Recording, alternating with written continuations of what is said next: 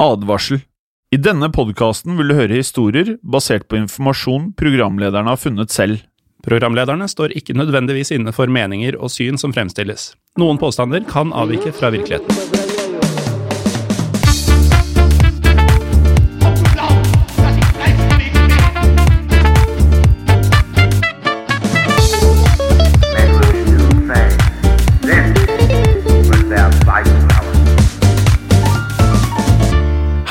Og velkommen til denne ukens episode av Historiepodden WW2, eller Historiepodden Second World War, eller Historiepodden Andre verdenskrig. Jeg er som vanlig Jim Fosheim, og med meg så har jeg deg, Morten Galaasen. Det har du, Jim. Eh, Veldig mange navn på denne kjære podkasten. Dette kjære barnet av en podkast. Men du glemte Ja. faktisk den norske forkortelsen, den som vi bruker på eh, iTunes og Spotify, nemlig historiepodden WW2 på norsk. Ja. Men jeg blir ikke WW2, det er World War 2, Ja. så det er Eh, egentlig ikke norsk. Nei, men du sa WW2. Eh, Eh, ok, ja. Mens det er jo- WW2, ja. ja. Ikke sant? Ja. Nei, Det var kanskje et uh, poeng, da. Og så burde du jo begynne å si det på tysk, for det er jo mye med Tyskland å gjøre i denne podkasten. Ja, det er for så vidt sant. Forbausende mye tysk i denne podkasten. Og ofte så er det jo en del sånn tall. eh, Mange, mange kilo med ditt og datt, og mange millimeter med åpning i geværer og sånn. Jeg vet hvor du skal. ja, det er ikke alltid vi eh, sånn i forbifarta treffer 100 med talla vi, vi Nei, vi, vi var eh, Vi treffer 99% av tiden, føler jeg. Mm. Men i en av favorittepisodene, som er Pellegruppa, Mm. der var vi, var vi litt kjappe! Vi var litt, altså Det var noe med konverteringa som gikk eh, skeis da vi så på diverse tall og, og ble veldig gira. Ja. Så ja, det var vel, var vel et skip som ble vesentlig mindre, ifølge oss, enn det Ja. egentlig var. Titanic, altså kanskje tidenes mest er det lov å si berømte skip. Det tror jeg du skip. trygt kan kalle det. Ja, Så Titanic, da sa vi For vi skulle sammenligne da alt det de modige heltene i Pellegruppa sprengte av uh, tysk eh, tonnasje nede på kaia på Aker Brygge. Og da skulle vi sette det i kontekst, da, ikke sant? Og da var vi litt kjappe der, og så uh, var vi litt sånn uh, Ja, fordi Titanic veide 50 tonn! Men det stemte jo ikke! Nei, det, det gjorde jo ikke det. Så uh, Pelle-gruppa sprengte utrolig mye skip uh, under den uh, veldig vellykka aksjonen der i, i havna. Men de sprengte ikke 1000 ganger så mye som Titanic. Som Nei. vi vel sa veide 50 tonn. og det... Den veier nemlig, eller veide, nemlig 50 000 tonn. Ja. Det er litt Det er ganske mange nuller i, i forskjell. Ja, vi, vi må ha sett 50 000 og trodd at det sto kilo, og så regna dem til 50 tonn sånn i farta, men Um, vi, Man kan trygt si at vi er best når vi skriver ned fakta. Altså Vi er best når vi skriver Vi må skrive ned tallene. Ja, det tror jeg er en god idé fra nå av. Så åssen uh, var det du uh, fikk vite om denne lille tabba vår, Hjem? Nei, det kan jeg fortelle, fordi eh, vi får jo ekstremt mye DMs, altså direct messaging, på, eh, på Instagram. Og da tok det vel eh, Ja, nå som historien historie på den andre verdenskrig begynner å vokse litt, så tok det vel ikke lange tiden før det var to, tre, fire, fem, seks, og alt var liksom lol. Titanic veier ikke 50 tonn, og så var det Titanic 50 tonn, og så sånn smiley med sånn tårer ut av hvert øye. Alt i den duren, men alt velmenende, da. Ingen Ja. som var liksom sånn der krenkete og dette var grusomt og alt sånn, men det er jo eh, greit å nevne at eh, vi er nå klar over at vi nå i tre episoder etter Pellegruppa retter opp feilen. Ja. Og at vi er klar over feilen, og at man kan fortsette å, å, å gjøre oss bevisst på feilen, men vi har fått det med oss. ja. Men det, det er jo litt sånn eh, Dette var jo en faktafeil, eh, rett og slett. Um, Og det er jo hyggelig at folk tar det med et smil, for vi er jo, vi er jo bare Jim og Morten, liksom. Ja, vi er bare Jim Jim Morten. Eller Morten og Jim. Men det jeg savner litt, da, det er jo at folk har jo nesten slutta å ta oss på uttale. Spesielt av norske stedsnavn Ja. og sånn. Ja. Så vi, vi må få inn noe Kåfjord og sånn i noen episoder snart, sånn at den delen kan, kan Ja, brenne litt òg. jeg begynner å frykte at vi har blitt for gode på uttalelse. Eh, eller nei, det er ikke sant. Nei, Uansett, dersom det skulle være tilfellet, så får vi testa de skillsa i dag. For eh, hva skal dagens episode handle om, eh, Jim? Ah, den skal handle om Joachim von Ribbentrop. Ja, eh, for vi er jo inne i denne miniserien hvor vi snakker om de som sto aller nærmest Hitler. Og kriga eh, om Hitlers oppmerksomhet for å dele sine tanker, sine ideer og sine synspunkter på hvordan fremtiden burde se ut for Det tredje riket. Ja, og så, du vet sånn, Man hører når man går på skolen at eh, den og den bransjen og det og det yrket bør man ikke søke, for der er det spisse albuer. Altså, det å være i Hitlers innerste sirkel, det er i så fall et av de yrkene du ikke burde ønsket deg inn i hvis du er redd for spisse albuer, fordi de gærningene her, inkludert von Ribbentrop, var særs opptatt av å bli betraktet av Adolf Hitler som eh, flink, eh, fremoverlent, eh, og at man da gjorde det som kom av beskjeder til punkt og prikke. Ja, Det kan du trygt si. Og um, altså, som vi har nevnt, Denne ukas hovedperson er da eh, Joachim von Ribbentrop. Eh, Som da var en forretningsmann. Han var også SS-offiser, og under krigsårene skulle han også være Tysklands utenriksminister. Ja, Joachim von Ribbentrop eh, ja, hadde jo en, i lang, lang periode en mektig, viktig stilling i Tyskland, og fikk med det også stor, stor tiltro fra Der Führer, eh, som gjorde at han ofte var et irritasjonsmoment. Og det her er viktig. Han var, han var irriterende for de andre nazilederne. Ja, og Det er jo noe som går igjen når vi snakker om disse folka rundt Hitler. At uh, de liker jo ikke hverandre, for det er jo en sånn evig sånn sjalusi og maktkamp mellom dem. Og i uh, senere tid så har jo faktisk Joachim von Ribbentrop blitt omtalt som den mest forhatte nazisten blant andre nazister.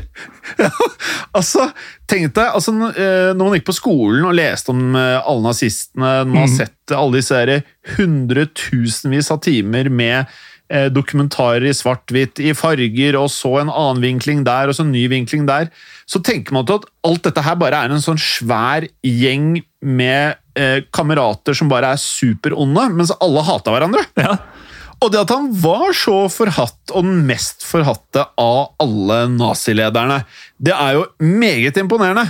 Eh, for vi vet jo at det var mange av dem, og vi vet at mange av de var også beskrevet som irriterende. Joachim von Ribbentrops vei til Utenriksdepartementet er en særs interessant historie. det er det. For eh, Ribbentrop han hadde, en, eh, han hadde en lang CV. Men den hadde ingenting med verken politikk eller diplomati å gjøre. Og derfor så gjør vi som vi vanligvis gjør, vi starter fra begynnelsen. Joachim von Ribbentrop ble født 30. april 1893 i Wessel i Tyskland, og han var sønn av hæroffiseren Richard Ulrik Friedrich Joachim Ribbentrop. Som føyer seg inn som sånn topp ti-navn, kanskje, eller? Ja, det, Men det er bare kanskje. I lengde. Det er så Ja, mange lange navn. Ja, det er mye lange navn. Og, og um, kona, som heller ikke bare hadde to navn, men ikke noe sånn veldig mye lengre enn hva man kan forvente, Johanne Sofie Hertwig. Og Gjennom oppveksten så gikk Joakim på private skoler i Tyskland så vel som i Sveits. Og som elleveåring tok han franskkurs på en skole i Metz, som ligger i Frankrike. Og Joakim han var ikke akkurat et eh, skolelys, og en av lærerne omtalte Ribbentrop som en av de dummeste elevene i sin klasse. Ja, det er ikke så digg. På den tiden så følte jeg også var litt mindre tabu å kalle folk for dumme. Ja, Når du sier det med si. en unge at det dummeste eleven i klassen det er jo, Hadde du sagt det i dag, så hadde du kanskje mista jobben. Um, men vi kan legge til at eh, alle som da omtalte han som ung, også legger til at han Ja, han var ikke veldig smart, men han var svært forfengelig. Så vi har altså med en ganske dum og forfengelig gutt å gjøre. Og Ja. faren, eh, Richard, han eh, kunne nok også være litt korttenkt, for i 1908 så ble han kastet ut av hæren etter at han eh, ikke én gang, men gjentatte ganger hadde påstått at eh, keiser Wilhelm 2., eh, kongen av Prøysen, var homofil. Ja, så det er en linje med irriterende karer her, med andre ord. Disse anklagene ble tatt så alvorlig av hæren at hæren ikke hadde noe annet valg enn å bli kvitt han. Så for at På denne tiden så skal vi huske på at det sex mellom to menn det var eh, ikke bare tabu, men det var, altså, det var jo faktisk forbudt. Og det har vært Strengt forbudt. Siden, strengt forbudt siden 1871. Og eh, det var jo ikke bare en påstand man kunne slenge ut uten konsekvenser på denne tiden, åpenbart. Nei, og Richards anklager var antagelig også retta mot feil mann, eller feil menn, eh, dersom vi skal ta utgangspunkt i at eh, han hadde kjennskap til eh, den såkalte Eulenburg-affæren. Ja, for Kaiser Wilhelm 2. var eh, Han var nok ikke fremmed for denne typen anklager mellom eh, spesielt årene 1907 og 1909. For det ble jo gjennomført en rekke rettssaker om da det man refererte til som homofil oppførsel blant medlemmene av stabben hans. Ja, og det er nok derfor disse assosiasjonene kan ha florert også rundt Kaiser Wilhelm selv. Ja, Men uansett da, om eh, anklagen var sann eller ikke, sto Richard eh, uten arbeid, som gjorde at familien begynte å slite økonomisk. Så når vi sa 'bli kvitt han', altså han ble ikke drept, han mista jobben. Eh, Joachim eh, von Ribbentrop, som gradvis ble flytende i både fransk og engelsk, han flytta fra familien og bodde i både Frankrike og London før han reiste til Canada i 1910. Det stemmer. Og i Canada, der jobbet Ribbentrop i eh, flere ulike firmaer, og trente opp engelskferdighetene sine mens, eller i denne prosessen. Da. Han jobbet først for en bank, og senere i et eh, ingeniørfirma, der han jobbet med rekonstruksjonen av Quebec-broen. Han var eh, også ansatt i et jernbanefirma som eh, bygget en toglinje mellom Winnipeg i vest til Moncton i øst. Og Senere så flytta han eh, ut av Canada og til New York og Boston, der han jobbet som journalist. Og da han ble diagnostisert med tuberkulose, reiste han hjem til Tyskland for å få behandling. Ja, det er relativt diversifisert eh, CV her. Det er det. Eh, omsider så ble Ribbentrop eh, friskmeldt, og da reiste han tilbake til Canada. Og mm, da var det sånn at i stedet for å ta jobb hos noen andre, så opprettet da Joakim en liten bedrift i byen Ottawa, som eh, importerte i hovedsak vin og champagne fra Tyskland til Canada. Og Ribbentrop han var dedikert til denne bedriften sin og brukte store deler av tida si på å bygge et nettverk. Han ble kalt eh, Ribb, eller Ribben, av eh, venner, og ble omtalt som, en, som en kjekkas Ja. blant jentene i omgangskretsen. For Ribb, eller Ribben, han var slank, han hadde lysende blå øyne og bølgete blondt hår. Ja. Eh, om Ribbentrop eh, faktisk gikk ut med noen av de mange beundrerne, er uvisst for oss. Eh, men han var nok antageligvis utrolig opptatt med å bruke tiden på å engasjere seg i lokalmiljøet. For i desember 1913 så hjalp han f.eks. julenissen med å dele ut gaver på et uh, veldedighetsarrangement, blant flere ting. Ja, og han var også en talentfull fiolinist eh, og ble med i et lokalt eh, orkester. Og dette gjorde at han stadig fikk omtale i eh, avisa, og at navnet hans ble kjent for de fleste kulturinteresserte i byen. Vi forstår det sånn at Ribbentrop han var en svært sosial type.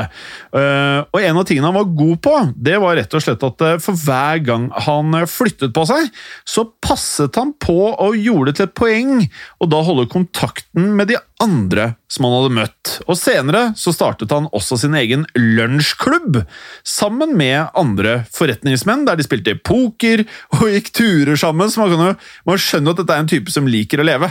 Det er det, og i tillegg eh, til alt dette, så var han en naturlig atlet og deltok aktivt i både tennis- og rideklubber. Eh, Og han hadde også faktisk på et tidspunkt klart å få en plass på skøytelandslaget i kunstløp, og deltok i 1914 i en turnering mot USA. Ja, og nå for lytterne så begynner de liksom å lure på ja, hva er det greiene her nå? Hvor skal denne historien her? Eh, hvor er actionet? Eh, vi kan jo da si at denne kanadiske idyllen den eh, skulle jo selvfølgelig ikke vare for evig. Den 4. august 1914 fikk eh, Ribbentrop beskjeden om at eh, Storbritannia hadde erklært krig mot Tyskland. Bam, bam, bam. Og her beveger vi oss nå over til det dere nå ønsker å høre. Ja, og forventer å høre, kanskje. Bortsett fra at da Ribbentrop mottok den beskjeden, så var han faktisk midt i en tennismatch.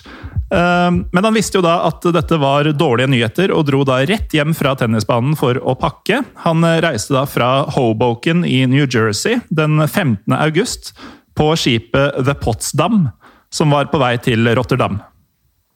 Ja. Joachim von Ribbentrop kom eh, tilbake til eh, Tyskland og tjenestegjorde i kavaleriet på østfronten, og deretter vestfronten, fram til han ble skada i 1917. Og i 1918 ble han stasjonert i Konstantinopel, som da er Istanbul i dag. Der han gjorde kontorarbeid for de tyske styrkene, og i løpet av tiden i Konstantinopel så ble han god venn med en stabsoffiser ved navn Frans von Papen, som senere ville bli en viktig kontakt for Ribbentrop. Ja.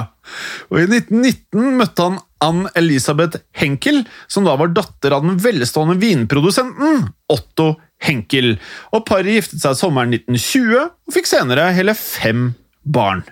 Etter at Ribbentrop ble en del av Henkel-familien, så var han omtrent økonomisk uavhengig og kunne nyte godene av svigerfarens enorme formue. Ja. Eh, årene etter eh, ekteskapet så forstår vi det som at eh, Ribbentrop han eh, jobbet for det meste i svigerfarens firma. Og Henkel var da Tysklands ledende produsent av sekt. Og sekt er Tyskland og Østerrikes svar på eh, eh, Musiren Wein. Ja, det er jo da en, eh, en spesiell vin. Det var det da, og det er det fortsatt. Den eh, sammenlignes da med varianter av cava fra Spania og prosecco fra Italia. Og Henkel de dominerer fortsatt sektmarkedet i Tyskland den dag i dag. Har du vært borti noe sekt, du, eller? Jeg har eh, smakt eh, sekt før. Ja. Og du kan smake sekt igjen? Ja, en dag. Når pandemien er over, håper jeg. Ja. Det er eh, uansett ingen tvil om at um, alkoholproduksjon da um, i denne uh, situasjonen var ekstremt uh, gunstig for lommeboken til alle involverte. Ja, og det var et marked som Ribbentrop eh, likte, og han ble en viktig aktør for, eh, for vin og også sprit i Berlin. Og samtidig så etablerte han og kona seg i sosietetslivet og flytta inn i en moderne villa i bydelen Dahlem i Berlin. Ja, det gjorde det. For eh, Ribbentrop han var eh, utrolig glad i mye, men han var også glad i musikk, og arrangerte stadig konserter i byen. Og Folk anså han også for å være en viktig del av byens musikkscene, og noen ganger imponerte han ved at han eh, selv spilte på flere av konsertene. Ja, og Joachim von Ribbentrop han var ikke spesielt opptatt av eh, politikk. Og han og kona hadde en omgangskrets som besto av eh, må jo være lov å si, ulike mennesker fra forskjellige samfunnslag. Og flere av hans nære venner og kunder var bl.a. jøder, som eh, Ribbentrop ikke tenkte noe særlig over. Nei. Noe Ribbentrop derimot var opptatt av, var hans sosiale status. I 1925 så overtalte han sin barnløse slektning og familievenn Gertrud Charlotte von Ribbentrop til å adoptere han. Dette skulle senere irritere både Josef Goebbels og Herman Göring intenst. eh, Da det, dette stuntet det tillot da Ribbentrop å legge til von i navnet sitt. Selve predikatet fond var jo da rett og slett forbundet med adel. Og derfor så anså mange det som et eh, ja, det høyeste status du kunne ha innenfor navn, i den grad man er opptatt av det. Og da et særs privilegium å ha i navnet. Gertrud hadde tidligere mista formuen sin, og sa ja til denne avtalen mot at Ribbentrop skulle betale henne en pensjon på rundt 450 riksmark, eller ca. 30 000 kroner årlig.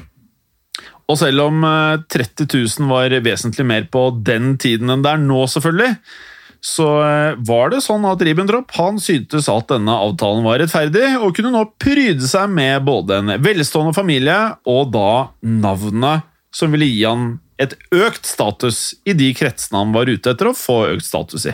Ja, så Joakim Ribbentrop ble nå til Joakim von Ribbentrop, og fortsatte å jobbe i svigerfarens firma. Og i 1930 så ble han også engasjert i nazipartiet, og skulle stadig donere penger til arbeidet deres. Ja, og vi kan også legge til at eh, samme året ble han også for aller første gang introdusert for Adolf Hitler. Mm. Men det var eh, først fra 1932, hvor eh, Ribbentrop og Hitler møttes igjen ved flere anledninger, at eh, dette forholdet skulle få ordentlig fart på seg. For Hitler han fikk et godt inntrykk av Ribbentrop, og syntes han virka som en verdensvant mann med et stort nettverk. Og det må vi jo si han hadde rett i. Ja, det hadde han rett i. Um Hitler ble også mektig imponert over Ribbentrops språkferdigheter. Eh, og det han som, beskrev som gode manerer, eh, og følte at partiet trengte en mann som nettopp som Ribbentrop. Og Ribbentrops kone Anne hun ble fort en stor tilhenger av Hitler, og likte svært godt disse visjonene han hadde for Tyskland. Så ekteparet de meldte seg inn i partiet det samme året. Ribbentrop han gjorde alt han kunne for å tilrettelegge for Hitlers politiske arbeid, og han lot dere Führer også bruke villaen hans faktisk i Dalem som et møtested en eller annen gang i løpet av 1933. I denne villaen så samarbeidet Hitler og uh, Frans von Papen om å etablere sin egen stab, som da etter Hitlers plan skulle erstatte Kurt von Schleicher og hans kabinett. Og Ribbentrop han holdt eh, forhandlingene i gang mellom de konservative og de nasjonalsosialistiske, og til slutt ble partene enige om å gå inn i en konservativ regjering der Hitler ble kansler. Men til tross for Ribbentrops harde arbeid med disse forhandlingene, så ble han ikke tildelt en ordentlig rolle i kabinettet. Nei, han ble ikke det, for eh, stillingen som utenriksminister ble gitt til Konstantin Freiherr von Neurath, som ikke tilhørte et eh, spesifikt parti. Ribbentrop var selvfølgelig noe skuffet, men eh, det var tydelig at Hitler ønska han med på laget sitt eh, likevel. Så i 1933 ble han med i SS og ble utnevnt til oberst, og jobbet seg senere opp til å bli general. Ja, Men Ribbentrop han var jo faktisk ikke veldig populær i SS. For eh, mange så på han som en sleip opportunist, og han ble kalt for Ribbenschnob. Ja, og her begynner vi å se konturene av at andre nazister ikke likte Ribbentrop, men eh, Ja, det kom ganske tidlig, ganske fort. Ja. Men Hitler han brydde seg ikke om dette sladderet og, og, likte Ribbentrop eh, svært godt. og mm, Ribbentrop han hadde mye kunnskap om utenrikspolitikk, og Hitler kom ofte til han for å få gode råd. Og Ribbentrop han hadde også stor tro på Hitler, og hadde en egen evne til å utvikle førerens ideer til enda større visjoner. Ja, og en mann vi har prata om tidligere, nettopp eh, Rudolf Hess, og en annen fyr vi kommer til å prate mye om, er Heinrich Himmler. Altså Hess og Himmler kom også godt overens med Ribbentrop, og de syntes han var et eh, meget verdifullt tilskudd til denne indre sirkelen rundt Adolf Hitler. Men en av dem som ikke var overbevist, det var Herman Gøring. Nei, Göring han så på Ribbentrop som sin fremste rival, faktisk.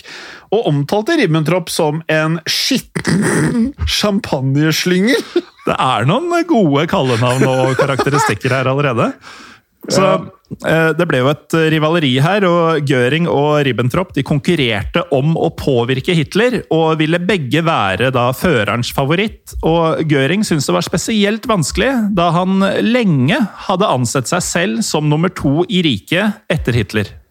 Ja, og For å da kunne kompensere for sitt dårlige rykte, så jobbet Joachim von Ribbentrop meget hardt med å da overbevise de andre i SS om at han var en eh, skikkelig antisemitt. Eh, Flere mente at han eh, oppførte seg nesten fanatisk, faktisk, som eh, ikke gjorde inntrykket særlig bedre.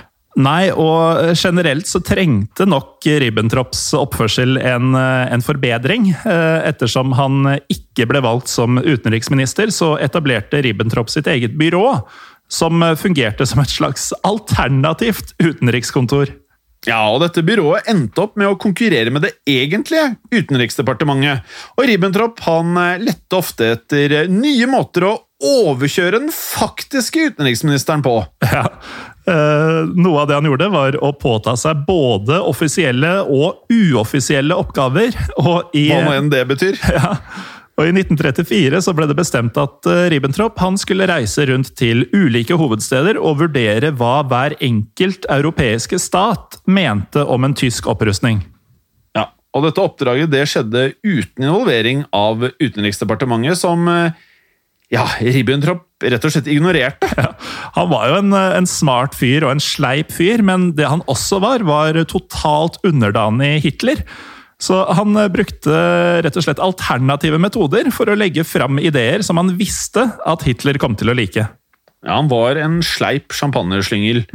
Eh, For Ribbentrop han overhørte samtaler eh, andre hadde med Hitler, og la fram de samme ideene, bare med mer dramatikk. Så ifølge Ribbentrop så betød egentlig utenrikspolitikk det Hitler måtte ønske seg, så det Hitler eh, sa han ønsket, det var det Ribbentrop ønsket å kjøre. Og eh, kanskje ikke så overraskende, så likte Hitler da Ribbentrops dramatiske og store ideer godt, og syntes at eh, denne Ribbentrop han er et godt tilskudd til staben. Eh, Ribbentrop han la fram ideer som ingen andre turte å si, og Hitler likte at han måtte be Ribbentrop om å jekke seg ned iblant. Ja, så det er helt åpenbart eh, her at Ribbentrop han, eh, han manglet overhodet ikke selvtillit, og eh, overbeviste Hitler om at han kunne skaffe bedre og mer pålitelige opplysninger om forholdene utenlands enn hva som var tilgjengelig i offisielle kanaler. Ja, I 1934 så ble han rådgiver for regjeringas nedrustingsspørsmål, som da igjen var en oppgave som egentlig var forbeholdt utenriksminister Neurath. Og det samme året jobbet Ribbentrop med Antikominternpakten, der Japan og Tyskland forplikta seg til å bekjempe internasjonal kommunisme. Og Ribbentrop han fortsatte å jobbe med sin, eh, sin noe kreative utenrikspolitikk, og ble i 1935 sendt til London, der han eh, forhandlet frem en tysk-britisk flåteavtale. Og denne avtalen den regulerte størrelsen på krigsmarinen i forhold til Royal Navy, og avtalen var et eh, ambisiøst forsøk fra både tyskerne og britene på å få et bedre forhold. Ja, og det her har vi jo prata om i eh, tidligere episoder også. Mm, det er vel Versailles-traktaten, eh, om jeg ikke husker helt feil. Eh, Versailles-traktaten ja det, ja, det stemmer nok. I, um, videre, i 1936 ble Ribbentrop uh, utnevnt som tysk ambassadør i London. Og hans oppdrag var rett og slett å forhandle frem en tysk-britisk allianse. Noe britene avslo. Neurath han var ikke overrasket, og hadde antatt at Ribbentrop ville mislykkes med dette. Eh, Ribbentrops forhandlingsteknikker de var eh, krasse, og det britiske utenriksdepartementet ble i tillegg mistenksomme av det de anså som eh, arrogant oppførsel fra Ribbentrop. Ja, det kan nok ikke ha falt spesielt godt i smak. Og I tillegg til dette så hadde Ribbentrop eh, klønete noe til med den britiske kongen. Og endte opp med å gi kongen en nazihilsen i 1937. Og dette her var jo selvfølgelig noe media fanget opp raskt, og Ribbentrop ble derfor stemplet som fiendtlig, faktisk. Og da har det vært ganske klønete. Han ble stempla som fiendtlig mot Storbritannia. Ja, Det er jo akkurat det du ikke skal gjøre når du skal prøve å bedre forholdene og legge inn aksjer for en allianse her. Man prøver å vise seg fra sin aller beste side, så hvis dette var den beste siden hans, så skjønner jeg at Göring ikke likte han. Ja, og Generelt så drev jo Ribbentrop med forhandlinger uten å koble på den ordinære utenrikstjenesten, som da endte i store konflikter om ansvarsområdene med Utenriksdepartementet. Avvisningen i London gjorde rett og slett at Ribbentrop eh, ble en motstander av eh, britene, som han eh, mente ikke egnet seg til å samarbeide med noen. Likevel mente Ribbentrop at britene ville være passive og ikke sette seg mot et tysk herredømme på det europeiske kontinent. Ribbentrops provisoriske kontor for utenrikspolitikk det lå rett utenfor Utenriksdepartementet. Og, Det er så sjukt, det. ja, det er sånn Han øh, plasserer seg der og bare gnir det inn, liksom. Og Kontoret det ble drevet for partiets midler, altså nazipartiet. Og var bemannet av journalister, forretningsmenn og partimedlemmer med ambisjoner om en karriere innenfor diplomati. Ja, og selve antikominternpakten med Japan den ble undertegnet av Ribbentrop den 25. november 1936. Og pakten hadde et hemmelig tillegg som tok for seg hvordan partene skulle forholde seg til et eventuelt angrep fra Sovjetunionen. Og gjennom prosessene av disse avtalene og forhandlingene så var Joachim von Ribbentrop eh, kun en ekstra utenriksrådgiver, eh, uten en ordentlig formell stilling. Men dette skulle endre seg i 1938. Ja, for da fikk Ribbentrop endelig en mulighet til å være utenriksminister på ekte. Tidligere det året hadde Neurath blitt avsatt som følge av Blomberg-Fritsch-affæren, som da tillot Hitler å bytte ut de viktigste kritikerne av hans ekstreme utenrikspolitikk. Og hvordan Ribbentrop skjøtta denne rollen som utenriksminister, det kommer vi tilbake til etter en kort eh, pause. Velkommen tilbake. Ribbentrop skal altså endelig få være utenriksminister på ordentlig. Eh, Men før vi kommer dit, så må vi snakke litt om forsvarsministeren, Werner von Blomberg, og hærens overbefalhaver, Werner von Fritsch, som eh, hadde blitt tatt i hver sin skandale. Blomberg hadde visstnok giftet seg med en prostituert, og Fritsch han ble anklaget for å være homoseksuell. Ja, og Neurath som en konservativ eh, diplomat ble med i dragsuget. Og sånn ble da Ribbentrop ny utenriksminister, og Hitler benytta sjansen til å gjøre flere utskiftninger i utenrikstjenesten. Ja, og da Ribbentrop eh, overtok, ble Hitler og Görings eh, forhold mildt sagt mer anspent. Ribbentrop og Göring da var jo selvfølgelig av ulike oppfatninger av politikk, og var meget ofte uenige. Ja, og Hitler han var ikke interessert i å høre om intrigene mellom disse to. Og Göring han irriterte seg over at Ribbentrop gjorde alt han kunne for å vinne Hitlers gunst. Ribbentrop han var totalt dedikert til Hitler og tok eh, knapt en langhelg fri i løpet av årene han hadde denne rollen. Ja, mildt sagt en eh, dedikert type, dette her, altså. Eh, I mars 1939, da tyske styrker marsjerte inn i Praha, var Gjøring rasende. Han mente det slettes ikke var veien å gå, og hadde noen ord, noen velvalgte ord til Ribbentrop. Eh, hør på følgende. Wenn es einen Krieg diese Schweine gäbe, würde er der erste Kriegsverbrecher im Galgen werden. Eh, For oss som ikke kan tysk, Jim. Det er oversatt Hvis det ble krig av dette svineriet, vil han bli den første krigsforbryteren i galgen. Og det er ganske tydelig budskap. Det er et tydelig budskap, men en annen som var skråsikker i sine påstander ofte, det var Ribbentrop. Og mellom 1938 og 1939 så ga han villedende informasjon om Storbritannia til Hitler. Ribbentrop sa at Storbritannia uten tvil ville godta tysk aggresjon i Øst-Europa, ettersom at krigen var der borte, altså på kontinentet. Ja. Den siste viktige forhandlingen som Ribbentrop gjennomførte før krigen, var Molotov-Ribbentrop-pakten. Den 23. august 1939 signerte nemlig Ribbentrop på vegne av Tyskland en ikke-aggresjonspakt med nettopp Sovjetunionen. Og det var denne pakten som danna grunnlaget for angrepet på Polen en uke senere, og for sovjetisk invasjon av Polen to uker etter det tyske. Og I et hemmelig tillegg i denne pakten ble det skrevet at Tyskland og Sovjetunionen delte Polen, Baltikum og Finland mellom seg dersom landområdet skulle bli hensiktsmessig gåstein tilgjengelig. Det var tydeligvis en greie å legge til disse hemmelige tilleggene i enhver pakt eh, på den tiden. Og flere ble imponert over denne pakten, og Ribbentrop han var sikker på at verken Frankrike eller Storbritannia ville gå til krig over Polen eller Tsjekkoslovakia. Så han trodde at Storbritannia ville kunne skremmes til nøytralitet. Ja, han gjorde det. Eh, Ribbentrop eh, anså heller ikke USA som en alvorlig motstander for eh, Tyskland, og så på Sovjetunionen som en meget pålitelig alliert. Og etter invasjonen av Polen så meldte ambassaden i Washington at de fleste amerikanerne mente at Tyskland var skyld i krigen, og sympatiserte dermed med Polen. Likevel så meldte militærattachéen i Washington at Berlin ikke trengte å bekymre seg for amerikansk innblanding i Europa, og at USA ikke var rustet for aggressiv politikk. Sumner Wells, som da var statssekretær i USAs utenriksdepartement, besøkte Berlin i 1940 og møtte også Ribbentrop, Göring og Adolf Hitler. Wells han ble mer eller mindre sjokkert over hvordan de tre da la frem sin agenda, og hvordan de utbroderte om at krigen var blitt mer eller mindre påtvunget landet. Og det er vel kanskje ikke all verden til selvinnsikt fra tyskernes eh, side.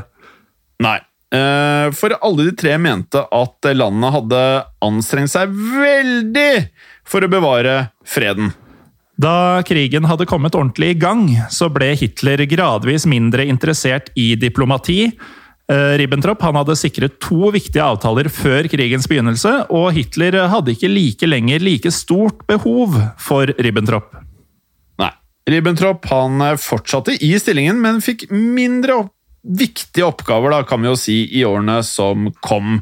Hitler fikk i tillegg langt bedre kontakt med eldre militæroffiserer, som gjorde at Ribbentrop eh, kom eh, langt bak i rekkene. Og her, Morten, ser vi jo dette her det var en kontinuerlig fight om å, å ha liksom Hitlers gunst. Man kunne rykke opp og ned i gradene, og det var det man selvfølgelig absolutt altså Man ville jo ikke ned i gradene under Hitler. Nei, og altså ikke bare Ribbentrop, men også utenriksdepartementet til Ribbentrop skulle det vise seg at hadde lite å stille opp mot SS, og arbeidet deres ble stadig mindre viktig. Ja, og I de kommende årene mistet Tyskland flere diplomatiske relasjoner. og I 1942 hadde de kun relasjoner til Chile og Argentina. Det er få eh, diplomatiske relasjoner. Og det samme året så bestemte Hitler seg for å flytte hovedkvarteret sitt til Venezia i Ukraina, for å være nærmere fronten. Ribbentrop han fulgte selvsagt etter, og etablerte sitt eget kontor ca. fem mil unna. Altså, han er så klegg, han Ribbentrop. Han er klegg. Ehm, og dersom Ribbentrop eh, skulle ha møter, var det flere dagers eh, reisevei da fra Berlin, som gjorde at kontoret ble svært isolert fra de diplomatiske virksomhetene. Ribbentrop holdt seg for det meste i Steinort i Øst-Prøysen mellom 1941 og 1944, og reiste sjelden til verken Berlin eller andre storbyer. Nei. Og Gjennom krigen ble Ribbentrop mindre populær i Hitlers innerste sirkel. Han var allerede meget upopulær, eh, så han ble bare mindre og mindre populær. Og mange mente at han var den minst egnede personen til å avslutte krigen gjennom forhandlinger. Ja, Både Josef Goebbels og Albert Speer de mente at Ribbentrop måtte byttes ut, men Martin Bormann sto i veien for dette, da han heller ville bruke tiden sin på å sabotere Goebbels. Ja, Goebbels han var spesielt irritert over Ribbentrop og mente at han hadde kjøpt navnet sitt, han hadde giftet seg med pengene sine og svindlet seg inn på kontoret sitt. Det kan også ha vært et lite innslag av sjalusi hos Goebbels, da Ribbentrop eh, alltid fikk lov til å møte Hitler uten en avtale, eh, en ordning som verken gjaldt for Goebbels eller Göring. Men Ribbentrops eh, største trussel befant seg faktisk ikke i den innerste sirkelen, men heller i hans eh, eget departement. Martin Luther, som var eh, Ribbentrops assistent i diverse saker som angikk jøder, forsøkte å få han avsatt i 1943. Ja, dette var fordi Luther følte seg dårlig behandlet av både Ribbentrop og kona, og mente at Ribbentrop gjorde lite for å få slutt på krigen. Luther mente også at Ribbentrop var mer eller mindre sinnssyk, og gikk til Himmler for å få støtte. Og Himmler han var eh, usikker der et øyeblikk, forsto vi, men endte til slutt opp med å støtte Ribbentrop og fikk Luther arrestert av Gestapo. Og det her er jo er ganske heftig av Luther å gå til selveste Himmler og melde at en i Hitlers indre sirkel er sinnssyk. Det er jo Altså, hvor skal man begynne? Eh, Men i hvert fall så slo de jo kraftig tilbake. Luther ble arrestert, og Ribbentrop han forlangte at Luther skulle bli henretta. Men saken ble dyssa ned, og Luther havnet i stedet i Sachsenhausen. Ja, Ribbentrop han skjønte imidlertid at han var i en usikker posisjon, og jobbet derfor meget ivrig for å intensifisere denne jødeforfølgelsen. Han sendte annet ut en ordre om at eh, all transport av jøder til eh, konsentrasjonsleirene måtte effektiviseres. Og Goebbels han fortsatte å klage over Ribbentrop og mente at Tyskland ikke hadde, de hadde ikke noen utenrikspolitikk, og at departementet derfor like gjerne kunne legges ned. Så Ribbentrop han måtte derfor trygle Hitler om å ikke stenge Utenriksdepartementet. Resten av Hitlers innerste sirkel de fortsatte å presse ut Ribbentrop, og etter eh, 20. juli-attentatet, der Hitler ble forsøkt eh, drept, prøvde Göring, Goebbels og Keitel å rett og slett angripe Ribbentrop. Ja, og Martin Bormann han prøvde også å få Hitler til å kvitte seg med Ribbentrop, og han mente at det var på tide å rydde opp i Utenriksdepartementet. Men Hitler han var uenig. Han mente at Ribbentrop fortsatt var meget verdifull. Ja, så I første del av 1945 så prøvde Ribbentrop å se seg ut muligheter for fred på vestfronten.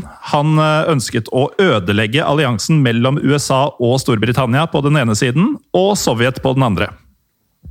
I februar 1945 ble det sendt et brev til Stockholm som bekreftet Hitlers planer om en mulig separat fred, men dette var angivelig noe Ribbentrop rett og slett ga opp forsøket på i løpet av mars. Og De neste ukene så lå eh, Ribbentrop lavt, og i slutten av april så tok han med seg Utenriksdepartementet til Hamburg. Eh, Ribbentrop han reiste videre til Flensburg, der resten av den tyske sentralregjeringa befant seg.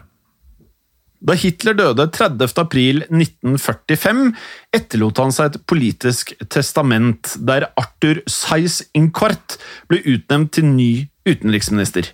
Ribbentrop eh, oppsøkte den nye rikspresidenten for å se om det var andre muligheter for han, men ble avvist.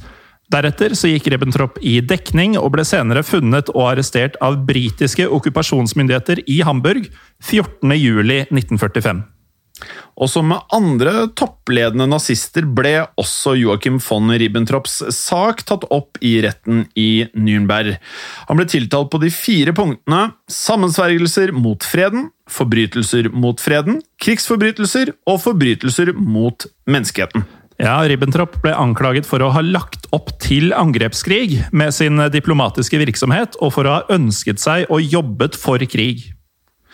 Ribbentrop han ble anklaget for å ha forberedt invasjonen av Danmark, også Norge, Nederland og Belgia, gjennom kontakt med bl.a. en norsk kjenning, nemlig Vidkun Quisling. I Utenriksdepartementet så la han også frem dokumenter som skulle rettferdiggjøre angrepene, eh, noe som retten i Nürnberg syntes var hårreisende. Ja, Ribbentrop han mente at han hadde gjort alt han kunne for å unngå et angrep på Polen. Han mente også at han ikke var antisemitt, og at han ikke var opptatt av noen form for nazistisk ideologi. Disse, eller Denne påstanden har faktisk fått støtte i senere tid, fra Ribbentrops tid i Canada.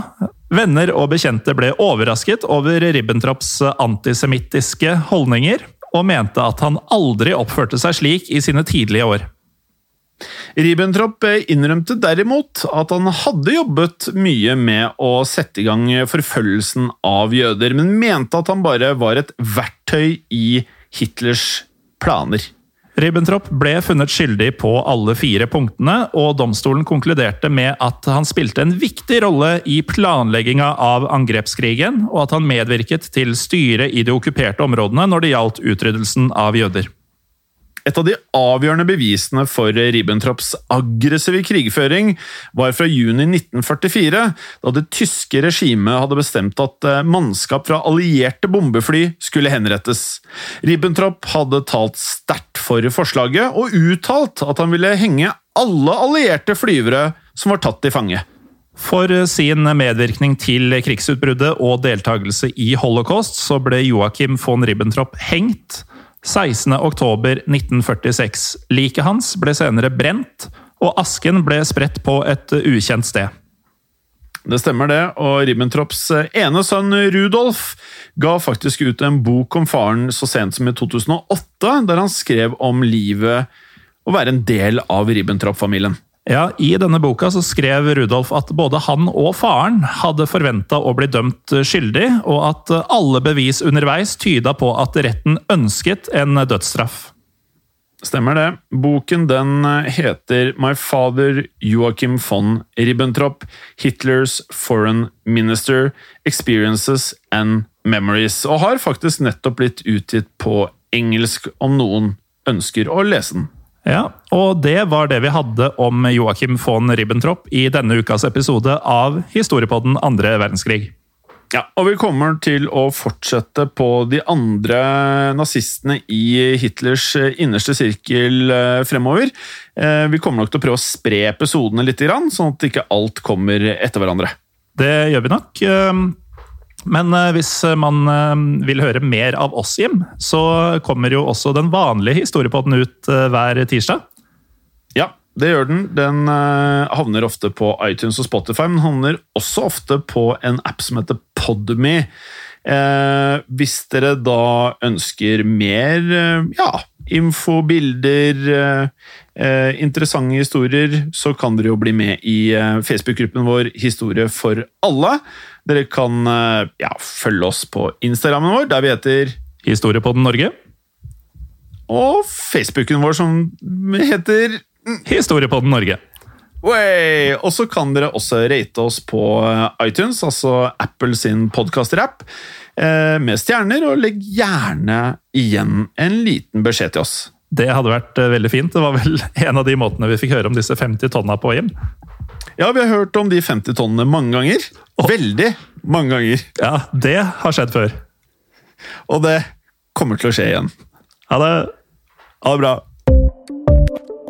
I produksjonen av Historiepodden så ønsker vi å takke Håkon Bråten for lyd og musikk. Takk til Felix Hernes for produksjon. Takk til Ellen Froktenestad for tekst og manus. Og takk til deg, Morten Galesen, for programlederrolle. Og takk til deg, Jim Fosheim, for programlederrolle.